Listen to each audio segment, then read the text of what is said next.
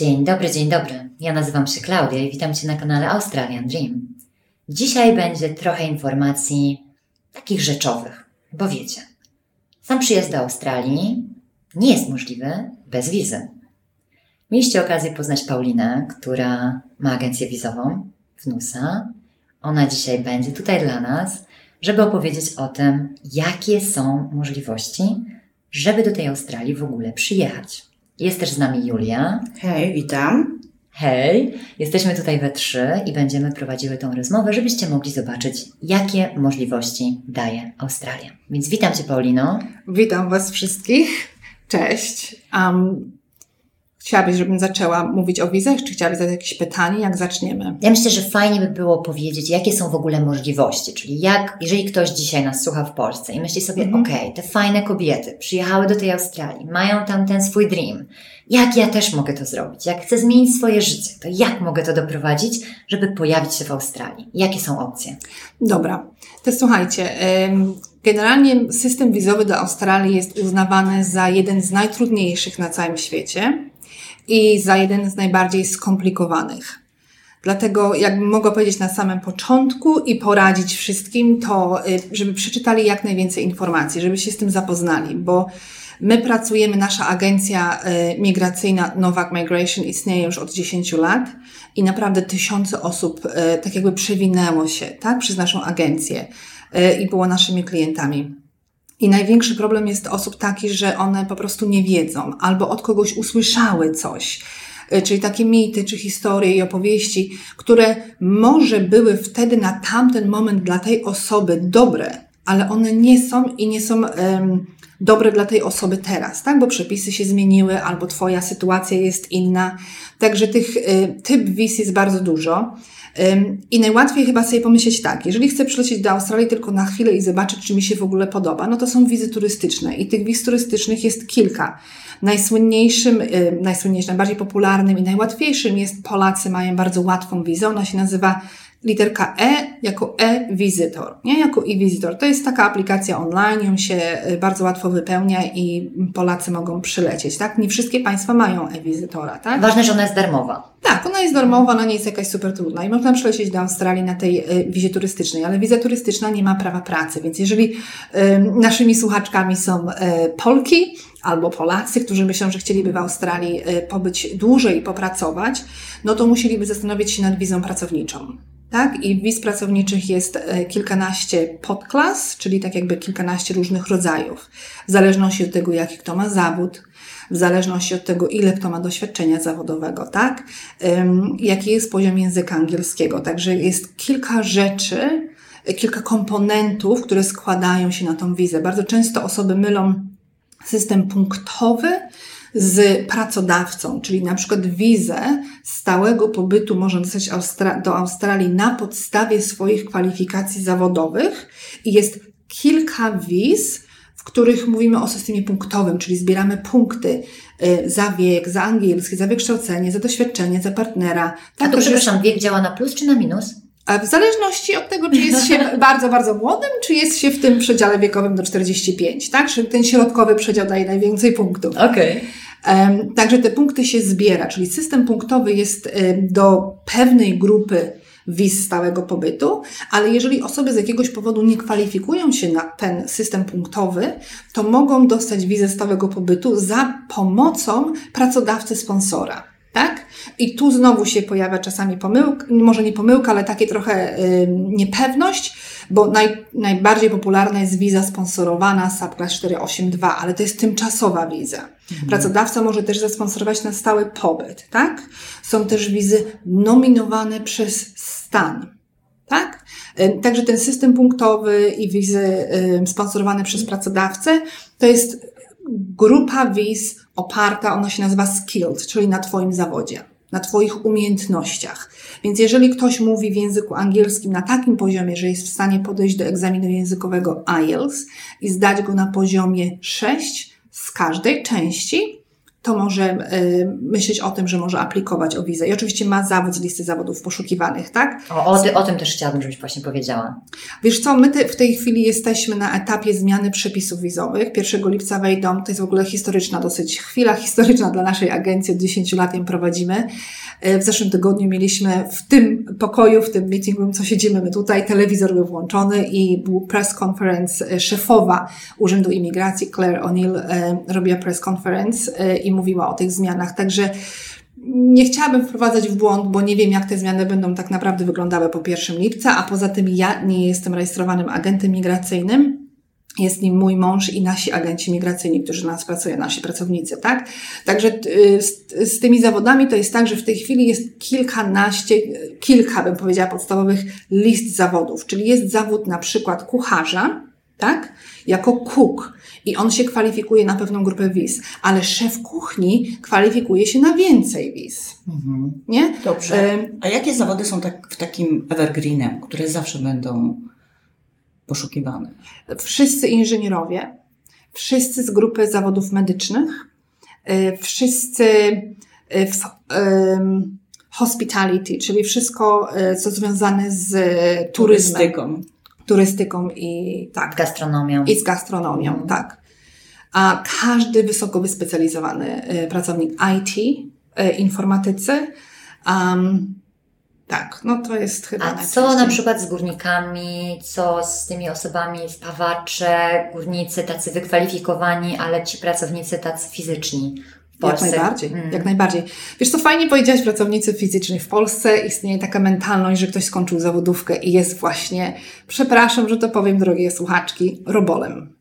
Australii czegoś takiego nie ma. W Australii się bardzo szanuje taką osobę. To jest osoba, która jest hydraulikiem, to jest osoba, która jest e, pracownikiem na budowie, to jest, e, nie wiem, mechanik samochodowy, e, blacharz samochodowy. Nie wiem, to są zawody, które w Polsce, nie wiem, nie miały nikt dobrej opinii, a to są bardzo dobre i szanowane zawody i one są bardzo wysoko na liście wbrew pozorom. To znaczy ktoś, kto ma doświadczenie, tak. kwalifikacje tak. i to, co nam już wcześniej mówiłaś Ważne jest tutaj, co umiesz. Tak, fach w Jak ręku. to robisz? Fach w ręku. Dokładnie. Fach w ręku jest bardzo ważny. Ja Wam powiem na dzień dzisiejszy na przykład, nasza agencja migracyjna poszukuje y, malarzy, spawaczy i kucharzy. I to jest od ręki, jeżeli jakby ktoś się kwalifikuje na wizę, to od razu załatwiamy pracę i sponsora. Wow. Do tego stopnia.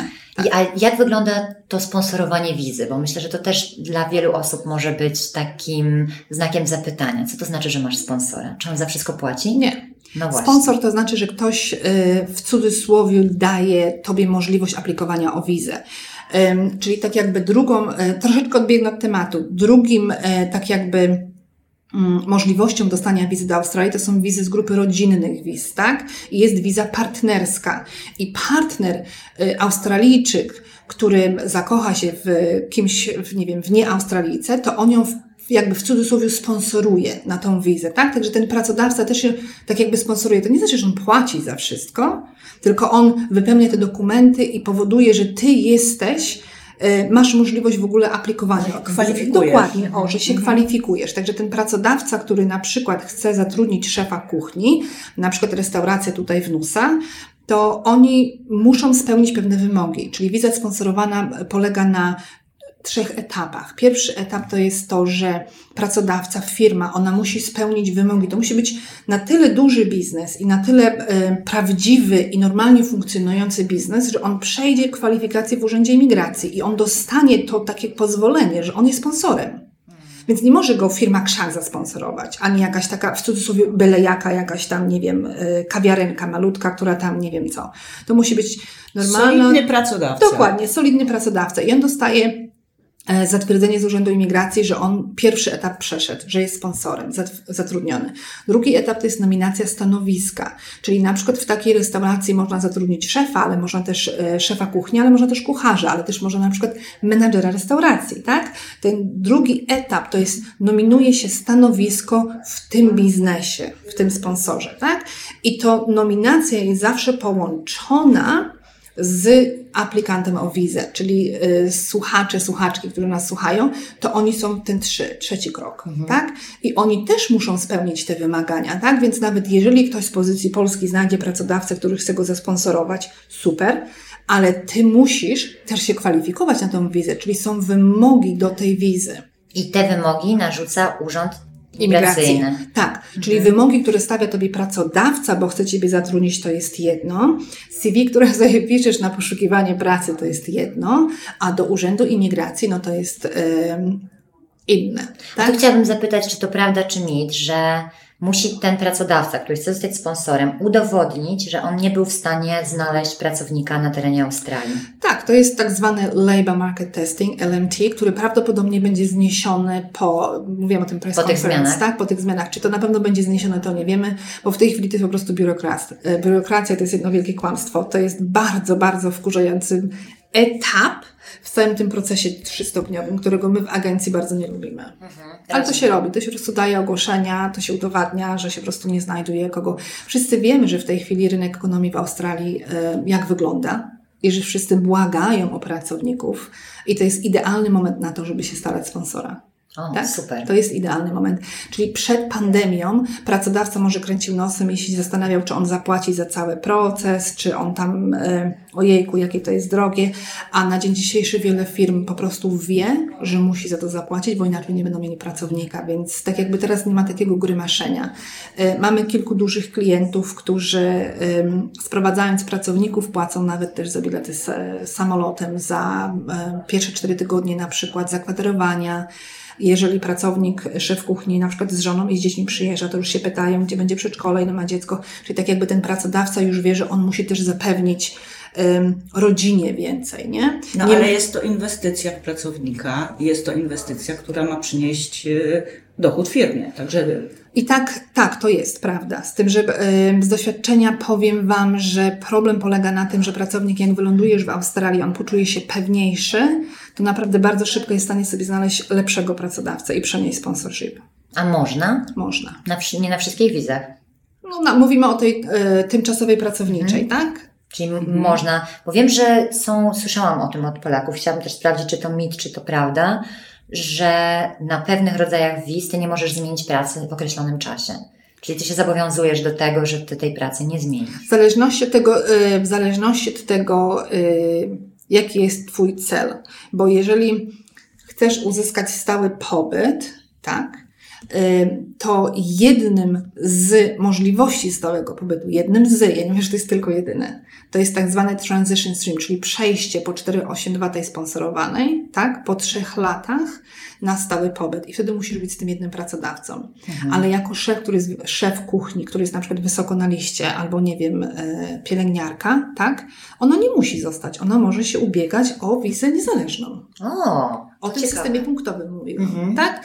Także to jest, e, nie każdy się kwalifikuje na ten system punktowy i on wtedy tak jakby lubi, nie lubi, on zostaje z tym pracodawcą. Czyli na przykład ten mit mógł powstać od tych osób, które bardzo nie lubiły swojego pracodawcę i po prostu musiały długo z nim zostać, bo nie miały innej opcji. I to była jedyna opcja, żeby dostać stały pobyt. Mm. Są osoby, które przylatują do Australii na wizy tymczasowe pracownicze i nawet nie myślą o stałym pobycie na razie. Oczywiście, no bo jest to, mo, może to być też fajna przygoda. No też Tak. dużo jest takich osób na work and holiday, tak? Tak, Work and Holiday dla Polaków to jest bardzo dobra też wiza. Ją się bardzo łatwo dostaje, aplikuje się z Polski, ona też nie kosztuje nie wiadomo jak dużo, wymagania są bardzo niskie, a to jest idealny moment czy dla, dla Polaka, że przyleciał do Australii właśnie i też y, pozmieniał sobie pracodawcę. Popracował trochę tu, trochę tam, dobrał tego doświadczenia zawodowego i wtedy jak już jest na Working Holiday w Australii, to może sobie znaleźć wtedy właśnie pracodawcę sponsora na tymczasową pracowniczą, i potem w zależności od tego, co to jest zawód, jakie są możliwości, myśleć o stałym pobycie. Ale tutaj też mamy obostrzenie, dosyć istotne. Yy, Proszę powiedz o tym, bo myślę, że nasza grupa docelowa jest trochę starsza aniżeli ta, która mogłaby skorzystać z work and holiday. Wiesz co, ym, maksymalny wiek do stałego pobytu to jest 45 lat. O, Do wiz tymczasowych pracowniczych y, nie ma ograniczenia wiekowego. A na work and holiday? A na studenckiej jest e, obostrzenie Na- wiekowe? Też nie ma obostrzeń. Na Working Holiday jest. y, Do 31 roku. Dokładnie. Mhm. Na studenckiej nie ma. Na studenckiej Też- nie ma w ogóle, no ale trzeba płacić cały czas za uczelnię. Y, Studencka jest o tyle problemem, że do studenckiej trzeba spełnić, do każdej wizy Do każdej wizy trzeba spełnić wymogi Genuine Temporary Entrance. To znaczy, że jak ja przylatuję do Australii, to ja chcę studiować. Jak ja przylatuję do Australii na wizie studenckiej, jak ja przylatuję do Australii na wizie turystycznej, to po to, żeby um, podróżować po Australii, tak? Czyli największym problemem przy wizach studenckich jest to, że jak ludzie aplikują o wizę studencką i mówią, że chcą się nauczyć języka angielskiego, to Urząd Imigracji odpowiada, ty z Polski, to jedź do Anglii. Mhm. Albo czemu nie do Kanady? Tak? Mhm. Czyli trzeba udowodnić, dlaczego ty akurat chcesz studiować w Australii. Ten Czyli interes trzeba udowodnić. Do, dokładnie. Dlaczego? Dlaczego akurat Australia? Co takiego? I tak jakby wiek, niestety, ale tak jakby utrudnia to, nie? To udowodnienie.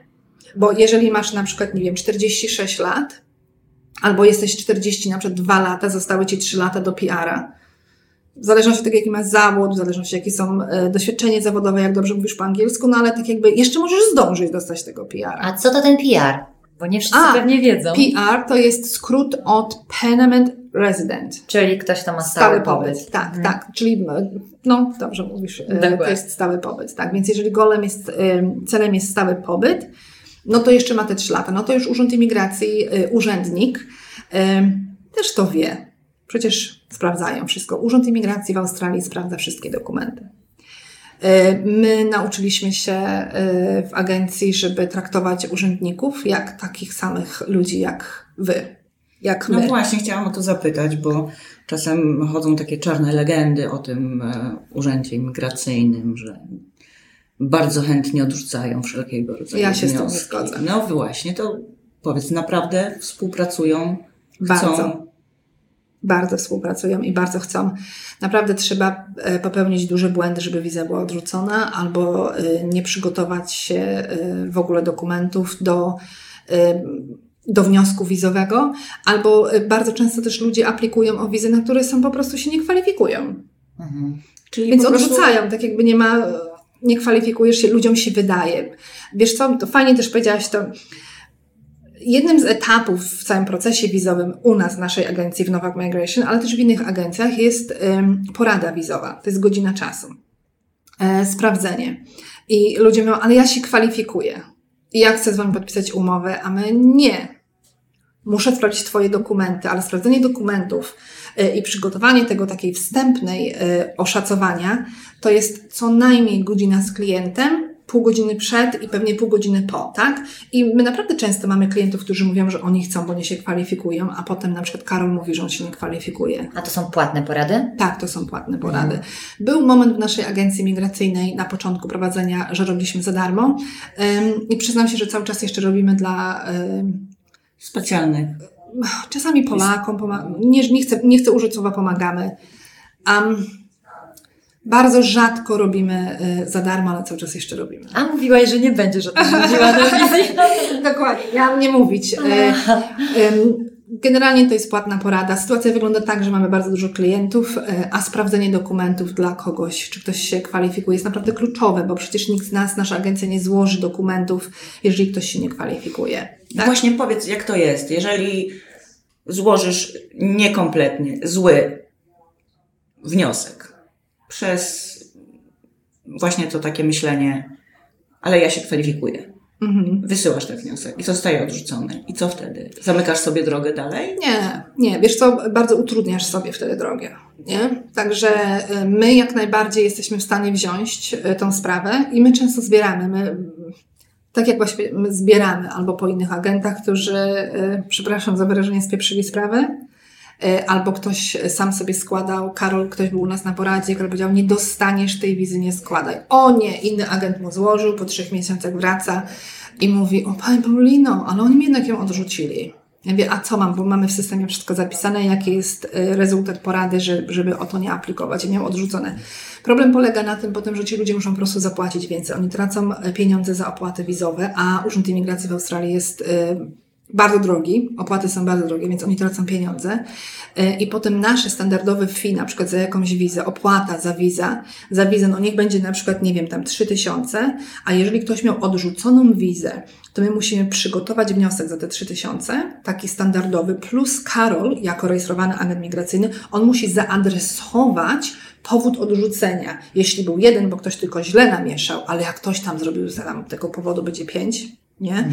To on musi się przygotować, tak? Czyli on całą tą aplikację robi, Wtedy ta osoba może zapłacić na przykład 6 tysięcy, gdzie normalnie gdyby przyszła do nas zapłaci tylko 3. Mówimy tutaj o dolarach. Australijskich. Tak, w dolarach australijskich. A jakie tak. są opłaty generalnie przy tych wizach, jeżeli ktoś by o tym myślał? Na jakie koszty musi się przygotować poza waszymi Kilkanaście opłatami? tysięcy dolarów australijskich przy wizie stałego pobytu, tak? Przy wizach tymczasowych pracowniczych, w zależności od tego, czy pracodawca płaci tylko za swoją część, a pracownik płaci za wizę, za wizę tylko. Jeżeli pracownik jest jako osoba jedna, to tymczasowa pracownicza na na 4 lata jest 2770 chyba, a 1380 jest na 2 lata, tak? Do tego dochodzi nasza opłata ym, do agencji jest albo 2, albo 3 tysiące. I jeżeli ktoś ma rodzinę, ktoś będzie miał jeszcze żonę, no to jest jako y, main, główny aplikant będzie ten na przykład, nie wiem, mąż kucharz, a żona wtedy będzie jako dependent, osoba zależna. I jak mają trójkę dzieci, to tak jakby te opłaty wzrastają. Bo każdy jest musi trudno mieć wizę. powiedzieć dokładnie, trudno mi jest powiedzieć, czy ten proces wizowy będzie 6,5 tysiąca dolarów australijskich, czy to będzie na przykład 13,5 tysiąca, nie? Bo to zależy od tego, ile jest osób też. Jeżeli jest sprawa kompleksowa, bo ktoś miał odrzucenie na przykład, nie? To też y, osoby, które mają problemy ze zdrowiem, trzeba spełnić poza wymogami, y, jeżeli chodzi o skilled, czyli o zawód, nie? Ten fach w ręku, trzeba też spełnić bardzo ważne dwie wymogi, czyli trzeba być zdrowym i trzeba mieć y, dobry charakter. Co znaczy zdrowym? Jest lista chorób, czyli jeżeli ktoś ma taką chorobę, która wymaga, może niekoniecznie hospitalizacji, ale wymaga jakby, brzydko to zabrzmi, przepraszam, że ja to powiem naprawdę, obciążenia dla systemu. Finansowego. To Dokładnie, jest tak. szok. Przepraszam, że to powiem, no.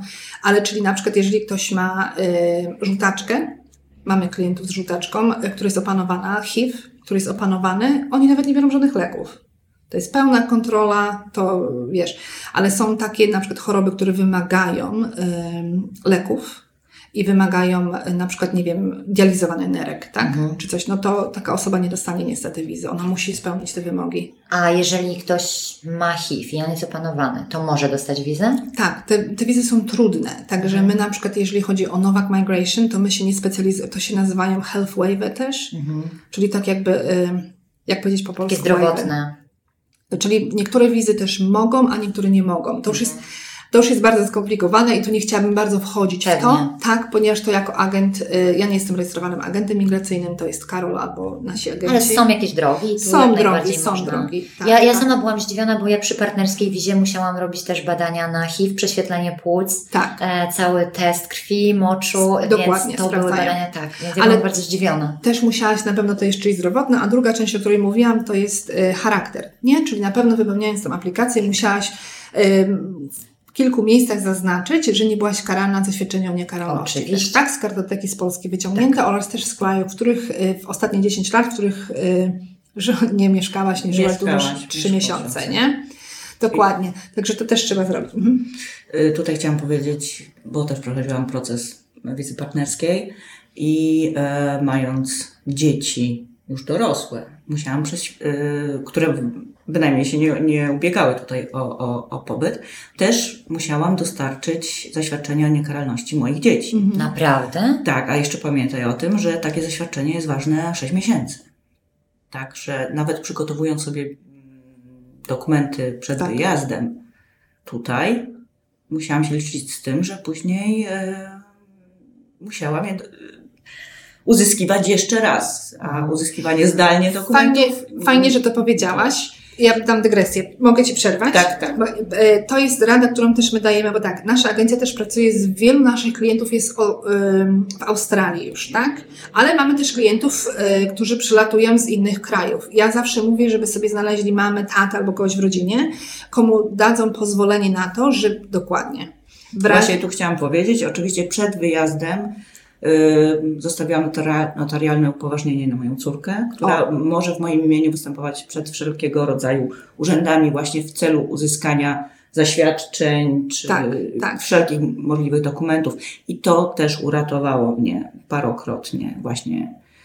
Bo to jest stres niepotrzebny i to są też koszta niepotrzebne, bo w dzisiejszych czasach dużo rzeczy można zrobić online, a poza tym są też firmy, agencje różne, które takie usługi też wykonują, tak? Czyli to, to wszystko jest do przejścia, nawet jeżeli się tego nie załatwi, to jest do zrobienia, tylko to jest to niepotrzebny stres i koszt dla takiej I osoby. I czas. No, to są nerwy. A wracając jeszcze do dobrego charakteru, to nawet jeżeli ktoś był karany, oczywiście w zależności od tego, na jakiej, z jakiego paragrafu, co tam się wydarzyło, tak? Ale osoby karane też są naszymi klientami. Czasami to jest, y, że ktoś na przykład pod wpływem alkoholu y, prowadził samochód i spowodował wypadek i na przykład miał wtedy 21 lat, a dzisiaj z naszym klientem ma 38 lat i to było na przykład tam, nie wiem, 15-20 lat temu, czyli, przepraszam za wyrażenie, był młody i głupi, tak? Czyli to też jest, on może też dostać wizę, tak? Także to oczywiście to są też dodatkowo niestety opłaty za to, bo to jest y, no dodatkowe po prostu dokumenty, ale to nie skreśla takiej osoby. A co przy, bo zawsze tam występuje, występuje pytanie, czy y, masz za sobą przeszłość z przemocą? Tak, w rodzinie. Prze, przemoc w rodzinie, czy było Czy jesteś prowadzenie- ofiarą przemocy? Czy jesteś Mhm. ofiarą przemocy, albo też czy było prowadzone przeciwko tobie dochodzenie?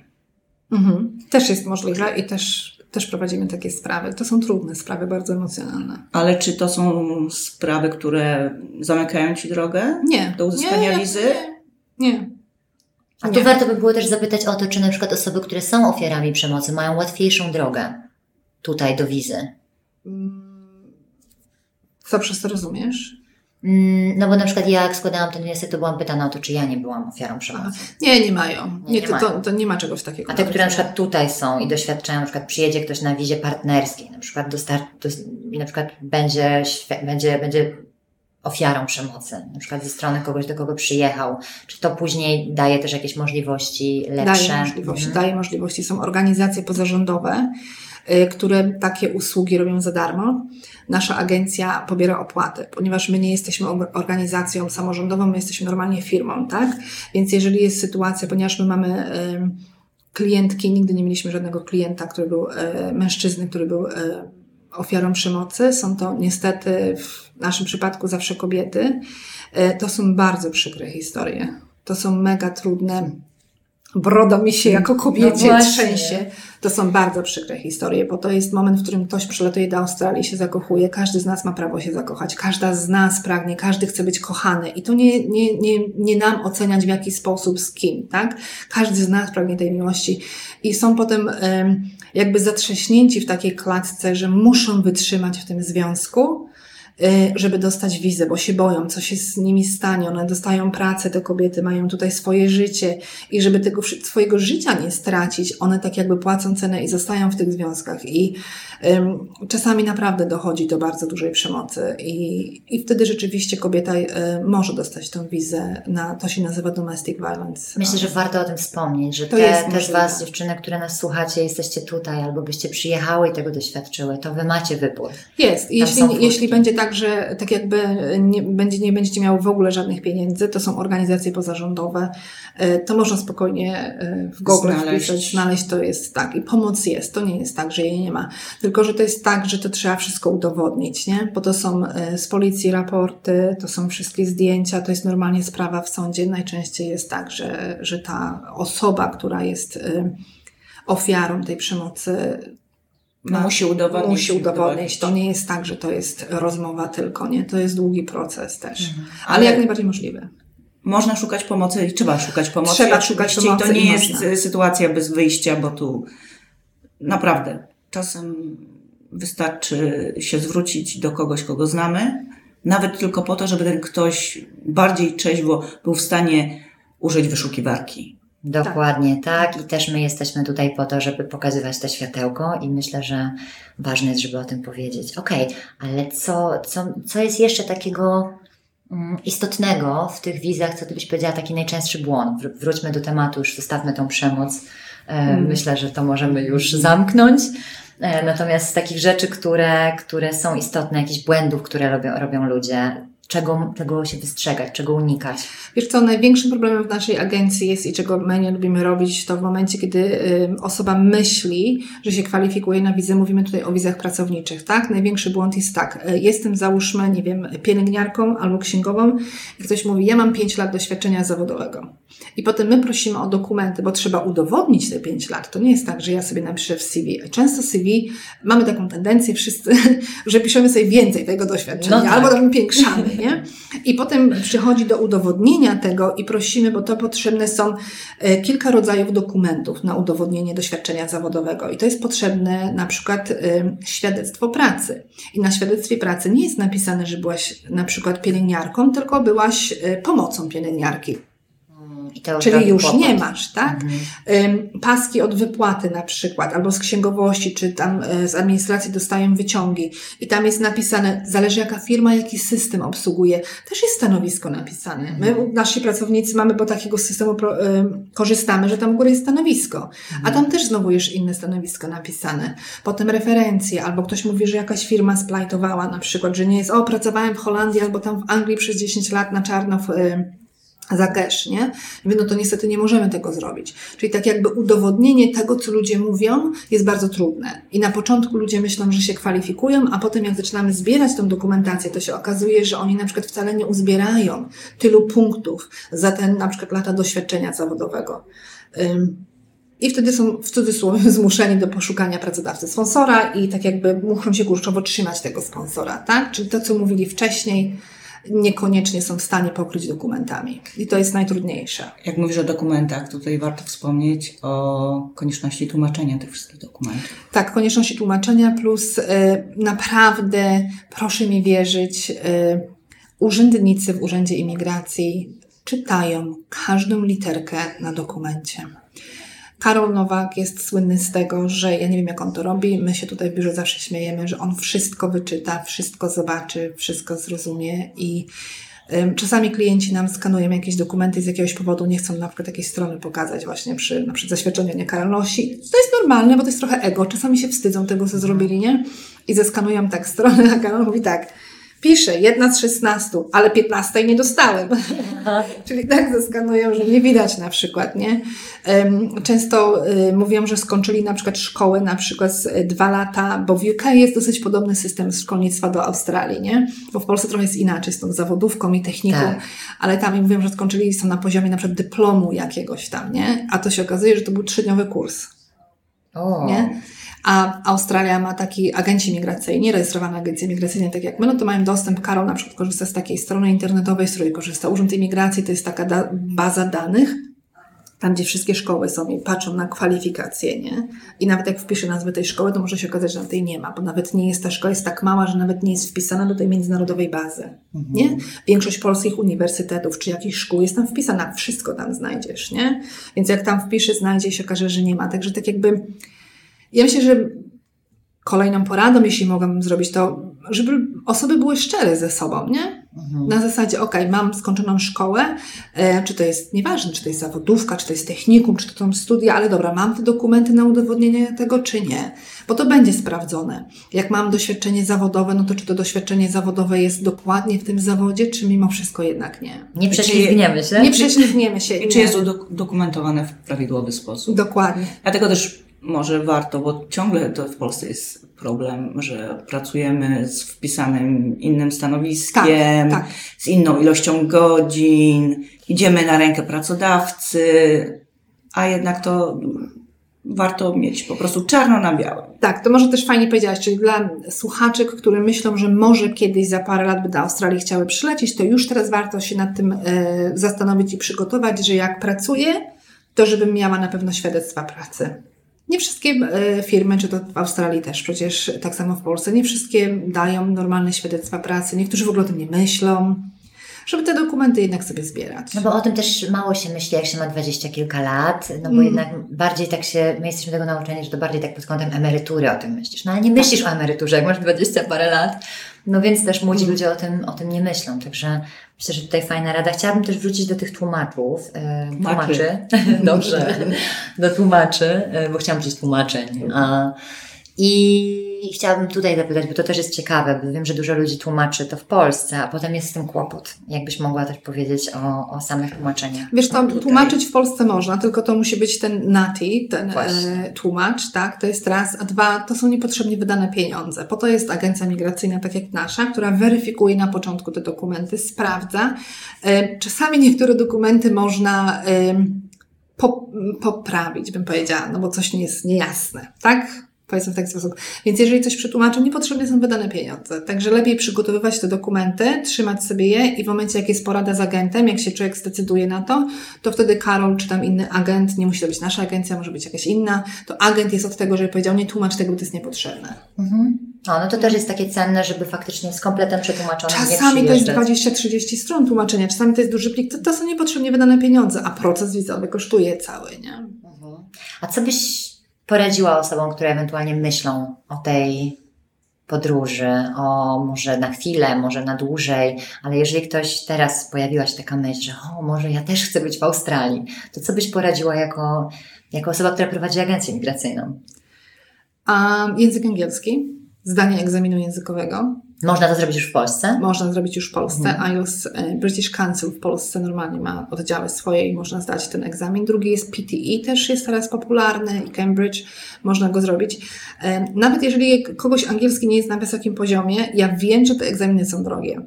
Ale warto zrobić ten egzamin, żeby sprawdzić siebie, na jakim jestem poziomie.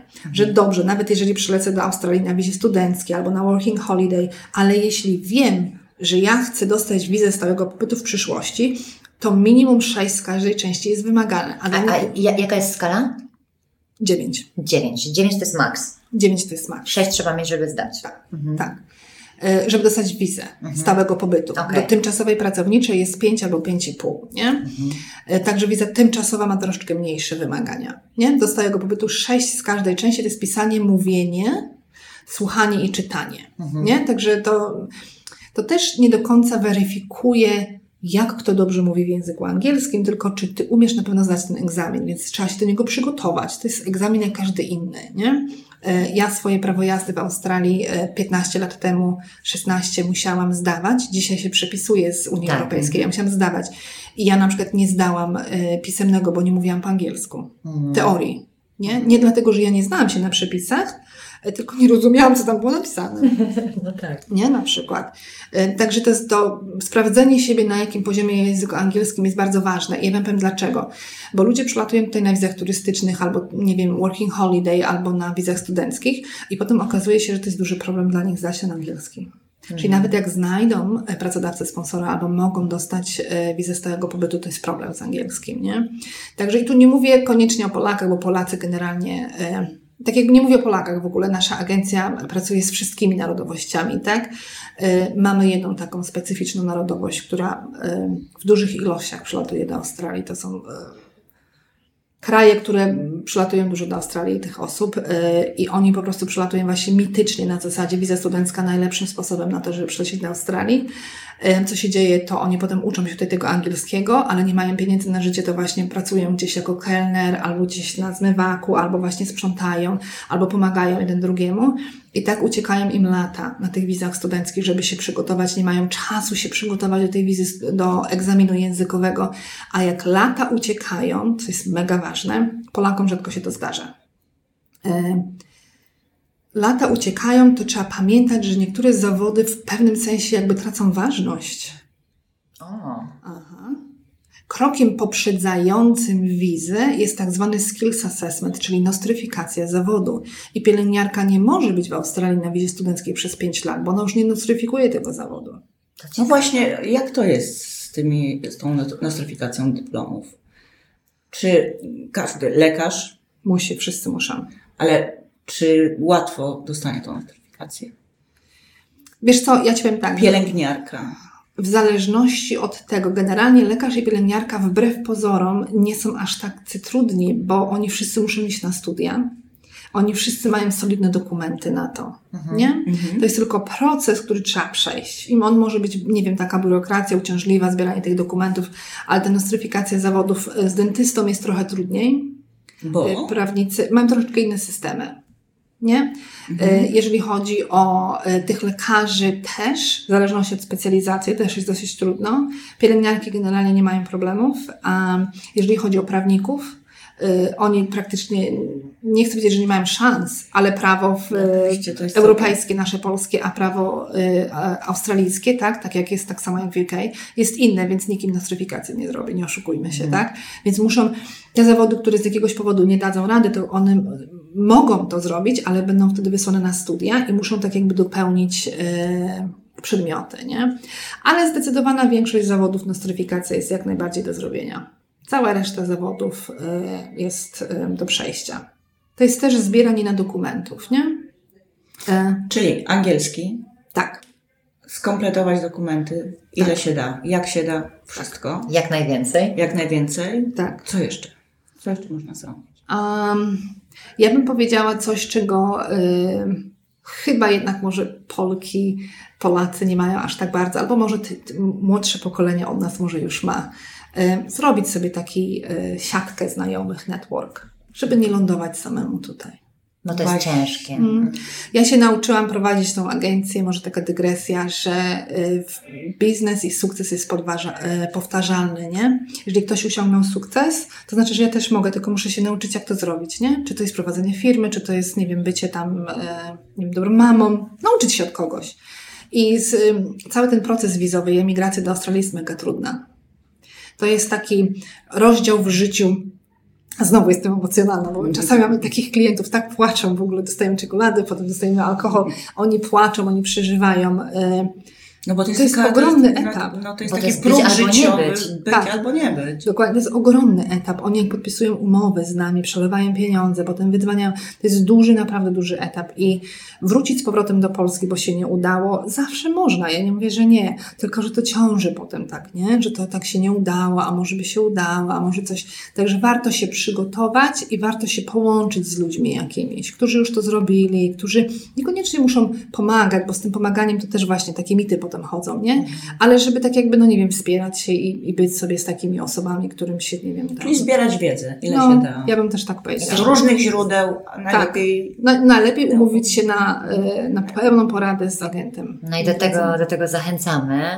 E, Teraz możesz zareklamować swoją agencję. Ja bardzo bym chciała to zrobić, bo jeżeli ktoś z Was będzie o tym myśleć, no to już macie osobę, która może Was online poprowadzić i, i zrobić to dobrze, więc my ze, swojego, my ze swojej strony polecamy e, Paulinę i jej agencję. Powiedz, jak mogą się z Tobą skontaktować nasi słuchacze, jak mogliby Ciebie znaleźć, jak najlepiej to zrobić.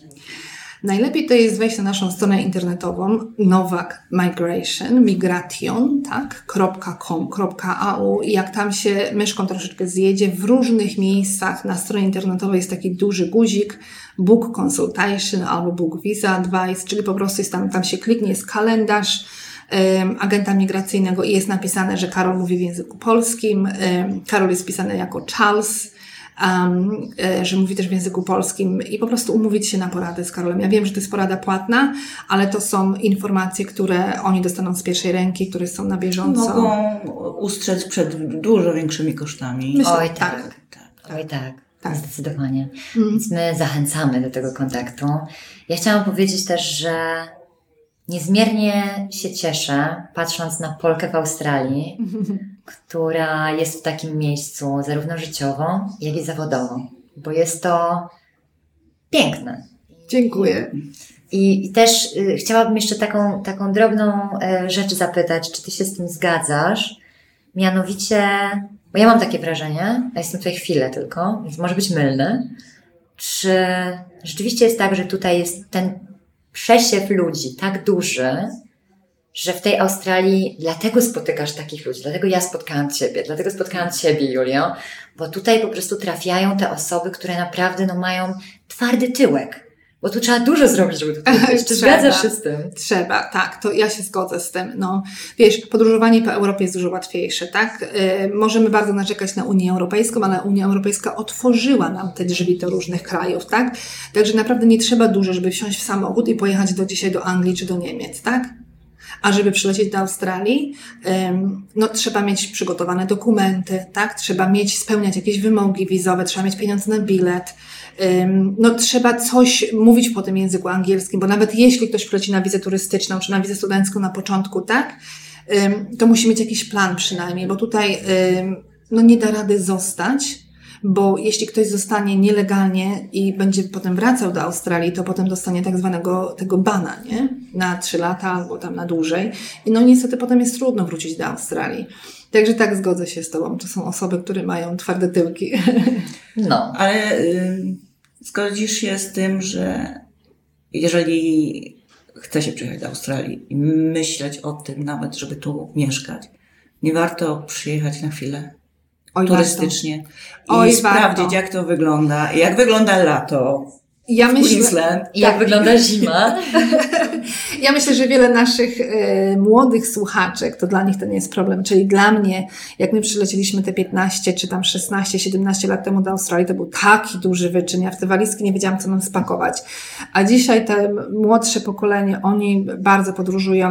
My mieliśmy ostatnio Polaków, klientów, którzy przylecieli na wakacje, chyba Tajlandia, to było gdzieś w Azji i wtedy tanie linie lotnicze do Australii, tylko te, wskoczyć tu, zobaczyć jak to jest. Ale cała, całe zaangażowanie i wycieczka była na, Az- na Azję, nie, bo to jest w Polsce tak jakby bardziej możliwe, nie wiem, y, łatwiejsze i tylko wskoczyć wtedy z Azji tutaj do Australii.